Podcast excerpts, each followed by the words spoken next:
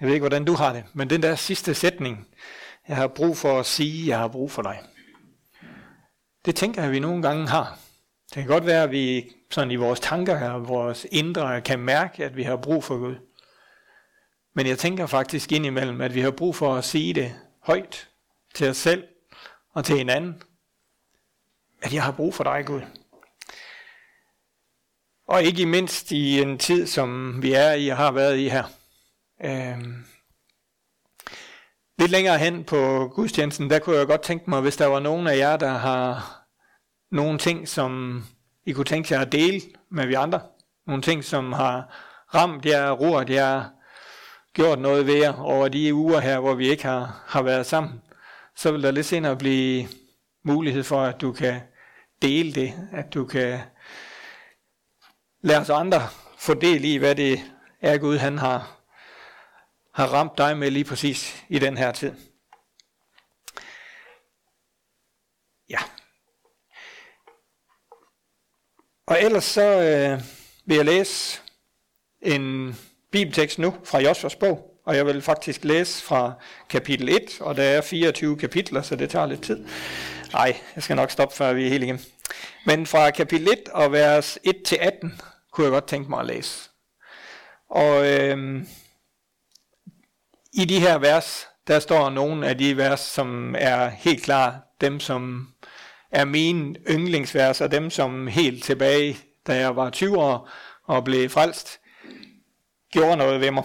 Så det, det er sådan lidt hjerteblod i de her vers, jeg også deler med jer nu. Øh, jeg tror, at den tekst, I får heroppe, er fra en autoriseret udgave og læser fra en hverdagsdansk, men det håber jeg, I kan følge med i alligevel. Det har overskriften Herrens løfte til Josva. Efter at Moses var død, sagde Herren til hans medhjælper Josva, Nuns søn, min tjener Moses er død, nu er det dig, der skal føre israelitterne over Jordanfloden og ind i det land, jeg vil give dem. Hvad jeg sagde til Moses, siger jeg til dig. De områder i Europa og i landet skal tilhøre jer. Fra Negevs ørken i syd til Libanons bjerge mod nord. Ja, helt op til den store flod, Eufratfloden, og ud til Middelhavet mod vest. Hele det land, hititterne nu bor i. Ingen vil kunne holde stand imod dig, så længe du lever, for jeg vil være med dig, som jeg var med Moses. Jeg vil ikke svigte dig, jeg vil ikke forlade dig. Stå fast og vær modig, for du skal lede mit folk i erobringen af hele det land, jeg har lovet jeres forfædre. Ret dig omhyggeligt efter de forordninger, Moses gav dig. Hold fast ved den, så vil tingene lykkes for dig. Mind hele tiden folket om disse love. Og selv skal du tænke på den døgnet rundt, så du handler efter dem. For så vil det gå dig godt, og du vil lykkes. Jeg siger dig igen, stå fast og vær modig. Vær ikke bange eller frygtsom, Husk, jeg er Herren din Gud, og jeg vil hjælpe dig med alt, hvad du skal gøre. Det her, det var, det var den arbejdsbeskrivelse, Josva han fik. Øhm, og jeg ved ikke, om Christian han kan lade et enkelt vers øh, stå. Øhm, så skal jeg lige sige, hvad det er for en, Det er vers 5. Eller i hvert fald den del, hvor vers 5 er i, ja. Øhm, og Josva han får den her arbejdsbeskrivelse, efter at Moses han er død, og efter at de har vandret rundt ude i, i ørkenen rigtig længe. Men han får den jo ikke, uden at Gud han lægger noget bag ved den. Nemlig det, der står her i vers 5. Ingen vil kunne holde stand imod dig, så længe du lever. Ligesom jeg var med Moses, vil jeg være med dig. Jeg lader dig ikke i stikken og svigter dig ikke. Og videre i vers 6, vær modig og stærk, for du skal give dette folk det land, jeg, jeg lovede deres fædre at give dem. Det var det løfte, Josva han gik i gang med det, han skulle i gang med på. Det var det løfte, Gud han gav til ham, at han ville være med ham, han ville aldrig slippe ham, han ville ikke lade ham i stikken. Og jeg tænker jo, at det her løfte, det er jo ikke bare Guds hjerte for Josva, men det er jo Guds hjerte for alle os.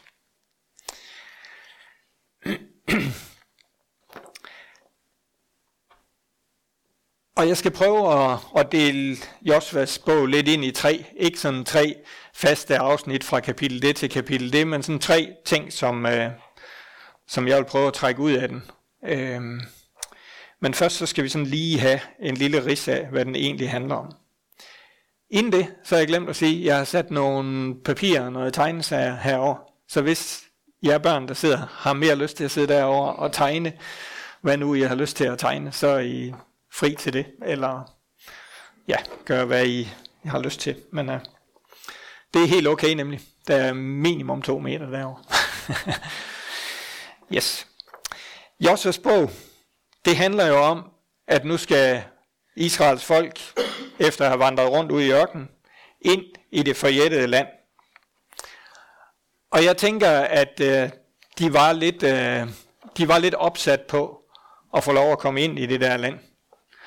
Gud havde jo, fordi de ikke lyttede 40 år tidligere, ladt dem vandre ud, rundt ud i ørkenen til hele den generation, som var kommet ud af Ægypten, ikke var længere. Der står et sted, at der var ikke flere våbenfører mænd fra den tid, hvor de gik over fra at være i Ægypten og over i, i ørkenen. En hel generation var væk. Så jeg tænker, at de var rigtig, rigtig sultne efter at komme ind i det land, Gud han havde lovet dem. Det forjættede land. Og der skulle de ind nu, og de skulle ind og fordele det land efter den fordelingsnøgle, Moses han havde givet dem for rigtig mange år siden. Og der skulle de ind og holde fast i, at det var sådan her, de der 12 stammer, som Israels folk bestod af, skulle dele landet. Øhm, det var en helt ny tilværelse, der ventede dem. Det var en helt ny måde at leve på. De her folk havde stort set ikke prøvet andet, end at vandre rundt ude i ørkenen og blive sørget for af manna fra Gud. Nu skulle de ind i et land, hvor de øh, selv skulle tage ansvar for at få landet til at fungere. Øhm, og så en lille bonus info her. Jeg ved ikke, om I ved, der står, at det var landet, der flød med mælk og honning. Jeg ved ikke, hvad, hvad tænker I, når I hører den sætning om landet, der flød med mælk og honning?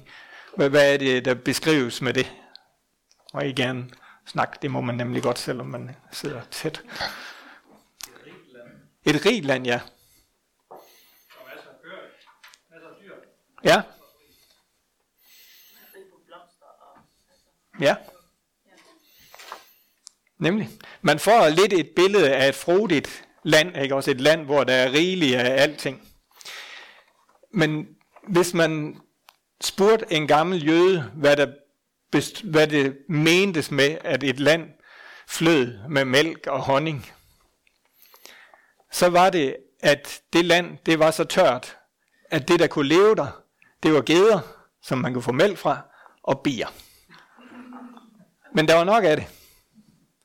Og det var egentlig det land, som de blev stillet i for øje. Men der var nok til, at de kunne overleve. Gud havde sørget for mælk og honning. Men, men det er faktisk en tilsnigelse, at det er det der frodige, fantastiske land.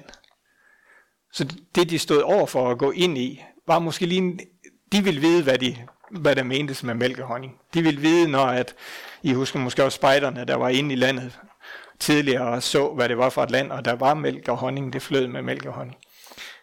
Men de ville vide, at de kom ind til et land, som de skulle til at arbejde med, som de skulle til at gøre noget med, som de skulle til at dyrke op igen. Og jeg tør næsten ikke sige luk op igen. Men,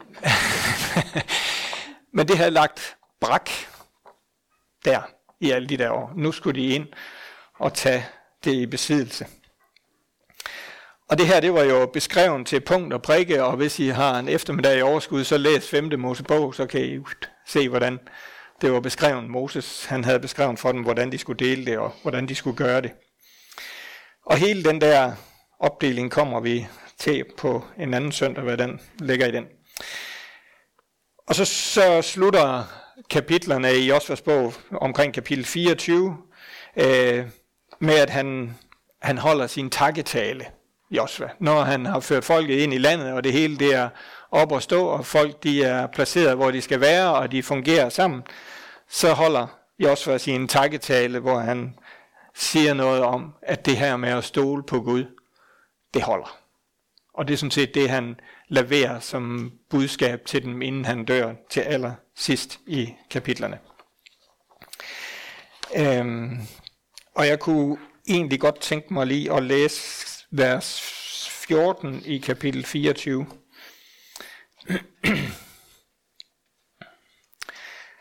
Nu er han i gang med sin, sin sidste tale, Josva her. Josva fortsatte til folket, vis nu ære frygt for Herren, tjen ham af et oprigtigt og sandt hjerte, udrydde de afguder, jeres forfædre dyrkede, mens de boede hinsides Eufratfloden i Ægypten, tilbed Herren alene. Og så kommer det i vers 15. Hvis ikke I vil tjene Herren, altså Gud, så beslut jer i dag for, hvilke andre guder I vil tjene.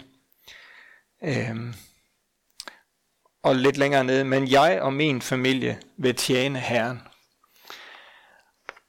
Jeg synes, den der beslutsomhed, der ligger i det her, den her beslut jer for, hvad I vil, det passer rigtig godt ind i min måde at tænke på. Er det det her, du vil, eller er det det her, du vil? Og Josva, han slutter ligesom hele den her tid, øh, hvor de har taget landet i besiddelse, med at sige, beslut jer nu for, hvad I vil. Gør op med det gamle. Lad være med at blive hængende i noget af det. Øhm, og, og på en eller anden måde, så, så smelter det her vers for mig sådan, øh, Guds øh, åndelige indgriben i det her folk sammen med virkeligheden. Jeg tænker, de har stået i en virkelighed, som har været meget, meget virkelig. At de har skulle dele det her land ud imellem, så de har skulle få landet til at give mælk og honning. De har skulle begynde at bygge noget meget, meget praktisk op. Og så siger Moses til dem, hold fast i Gud af et oprigtigt og sandt hjerte. Og der smelter al den her praktiske virkelighed for mig sammen med det Guds hjerte, som ligger bagved.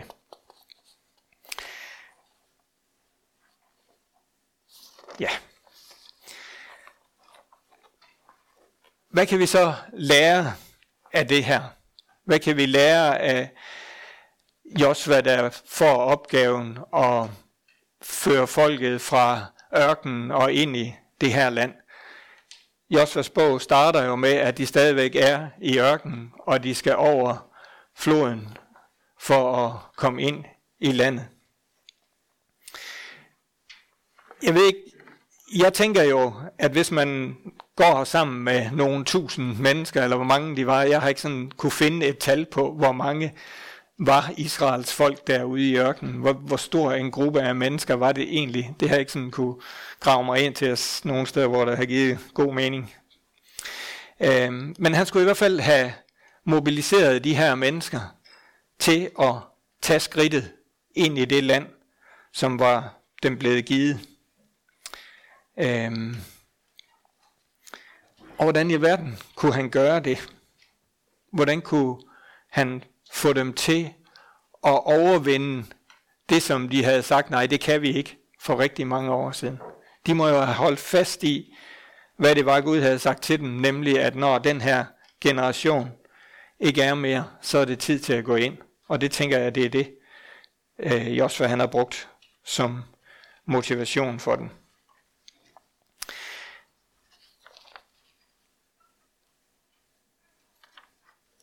De her, øh, de her kapitler, Josva og, og Israel, det er jo selvfølgelig billedet på nogle ting. Josva er ofte beskrevet som en parallel til Jesus. Altså, Josva øh, betyder egentlig stort set det samme, hvis man oversætter det som Jesus. Øh, og, og Josva er billedet på på Jesus i Gamle Testamente. Og landet, det er vel det land, de, de skulle ind i, er vel billedet på det liv, som vi får lov til at gå ind i, når vi tager imod Jesus, når vi tror på ham. Så vi kan jo sige, det at indtage landet fra Josva, er en parallel for os til at få indtaget det land, som er givet os som livet. Altså at, at Israel er billedet på vores liv, og at vi også må få lov til at indtage det Gud, han har lagt foran os i det liv. Øhm, og lige så vel som Josua havde brug for at mobilisere folket, og havde brug for, at de begyndte at tænke, jamen vi kan tage det her land til os. Så tænker jeg også, at vi har brug for at tænke, jeg kan tage det her liv til mig i kraft af Jesus. Ligeså vel som folket kun kunne gøre det, fordi Josua ledte dem derind.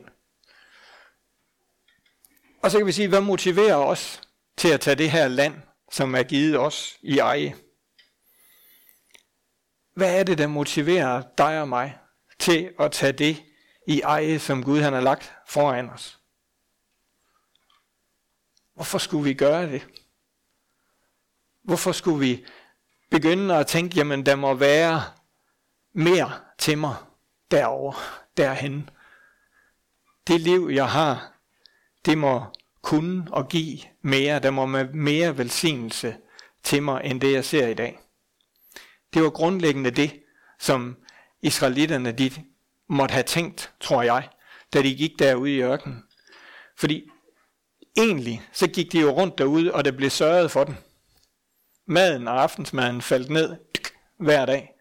Man kan så sige, at det var lidt ensidig kost, men der, der var jo sørget for dem der. Så der må jo have været noget, som gjorde, at de blev motiveret til at tage det der nye land i eje. Og der tror jeg, at vi må spejde ind i, hvad er det Gud har til os. Der var blevet sendt to spejdere ind i det forjættede land. Nej, der var blevet sendt 12 spejdere ind i det forjættede land. Men der var kun to af dem, der kom tilbage og sagde, det her land, det tror vi på, at vi kan tage i eje. Det tror vi på, at vi kan få. De ti andre, de så fjenden, de så modstanden, de så alt det, de ville møde i det land, og tænkte, nej. Og derfor kom de til at gå 40 år i ørkenen. Hvis vi tør spejde ind i det, der ligger foran os, i det liv, i det øh, Guds liv, som, eller det liv, vi kan have sammen med Gud, hvad ser vi så? Ser vi det land, der flyder med mælk og honning? Det land, hvor der er det, vi har brug for? Og ser vi, at det kan blive vores?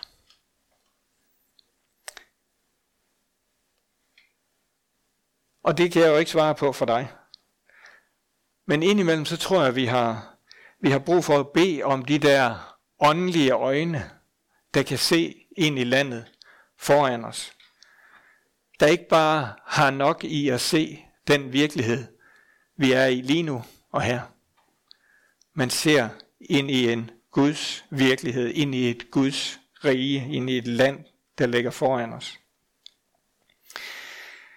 Har du kigget derind for nylig? Har du prøvet at rette dine øjne ind imod, dine tanker ind imod, dit hjerte ind imod? Kunne Gud have noget liggende til mig derude, som jeg skal indtage, som jeg kan få lov til at tage i eje? Øhm. Og så gav Josva og Kaleb, som den anden spejder jo hed, det videre. De fortalte om det. De fortalte om det land, de havde været inde og se og de fortalte om, at det kan blive vores, øhm, fordi de stolede på, at Gud han kunne hjælpe dem over de forhindringer, der måtte være. Fordi de så jo præcis de samme forhindringer, som de 10 andre spejdere også havde set. De havde bare et andet blik på dem. De havde et blik, hvor Guds tanke for dem var med i det. Guds, deres kendskab til Gud var med i det.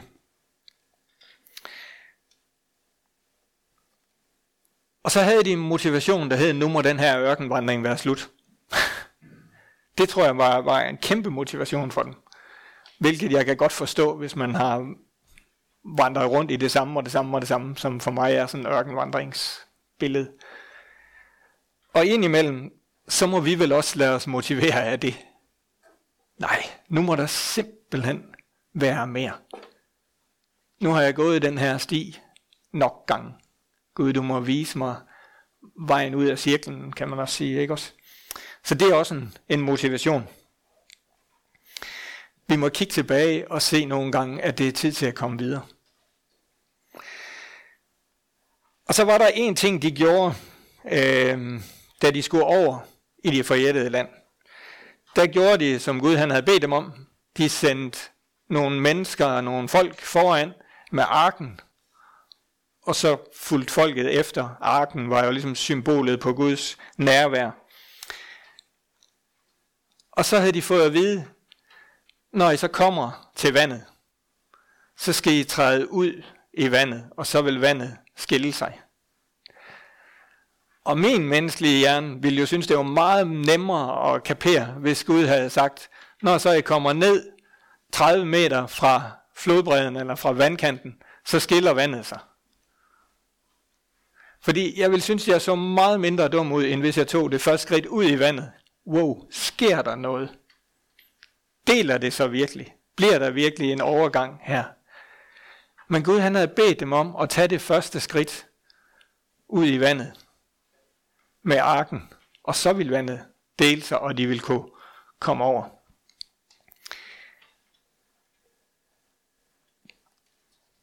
Og det skridt, det tror jeg nogle gange er det helt vildt svære skridt for os at tage, for at komme ind i det Gud, han har til os.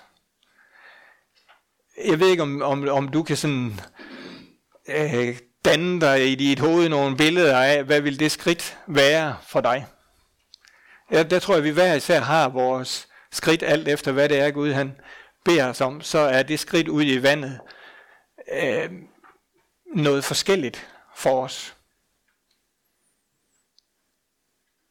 Det kan være, at dit skridt er at fortælle en omkring dig, om hvad du tror på. Det kan være, at dit skridt er at vise noget og tilgivelse over for en, som du egentlig menneskeligt set ikke synes har fortjent det. Det kan være barmhjertighed over for nogen, som har brug for, at du kan give dem en hånd. Et eller andet. Men jeg tror, Gud han har et princip i, at det er op til os at tage det første skridt. Vi har ikke set det ske, inden vi går ud i det.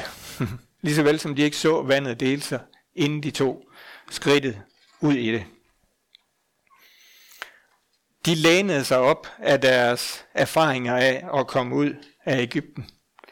De lænede sig op af, at Gud havde grebet ind før.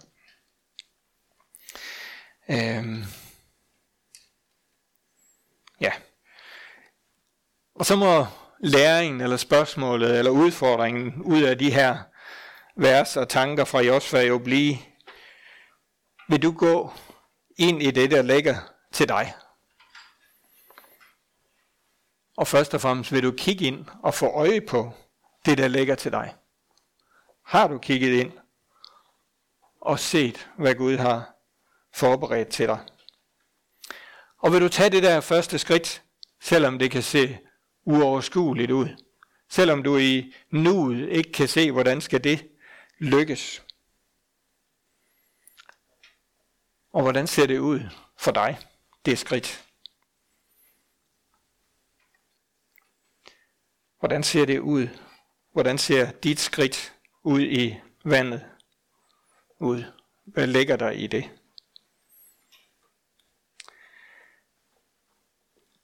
Amen. Jeg skal bede sig. Far i himlen, tak fordi, at du har noget til os. Far, tak fordi, at det liv, der ligger foran os, er et liv, hvor du er med i, og du har sørget for os, og du har lagt til rette for os. Og at vi må få lov til at vandre ind i det liv sammen med dig. Og på det samme løfte, som Josva han fik om, at vi skal være modige og stærke, og du vil aldrig lade os i stikken. At vi må få lov til at gå ud der, hvor vi ikke selv er herre over, om vi kan bunde længere. Vi må få lov til at være i et nærvær med dig, hvor vi bliver sørget for, når vi tager landet i eje her. For jeg beder om, at vi hver især også i den tid, der kommer, og i ugen, der kommer, må få lov til at blive mindet om, hvad vores skridt er. Vi må få lov til at få øjne, der kan se, hvad du har til os. Vi må få lov til at blive motiveret af at, at komme ud af de cirkler og stier, vi har fået trådt vi kender alt for godt. Fordi du har mere til os, her. Amen.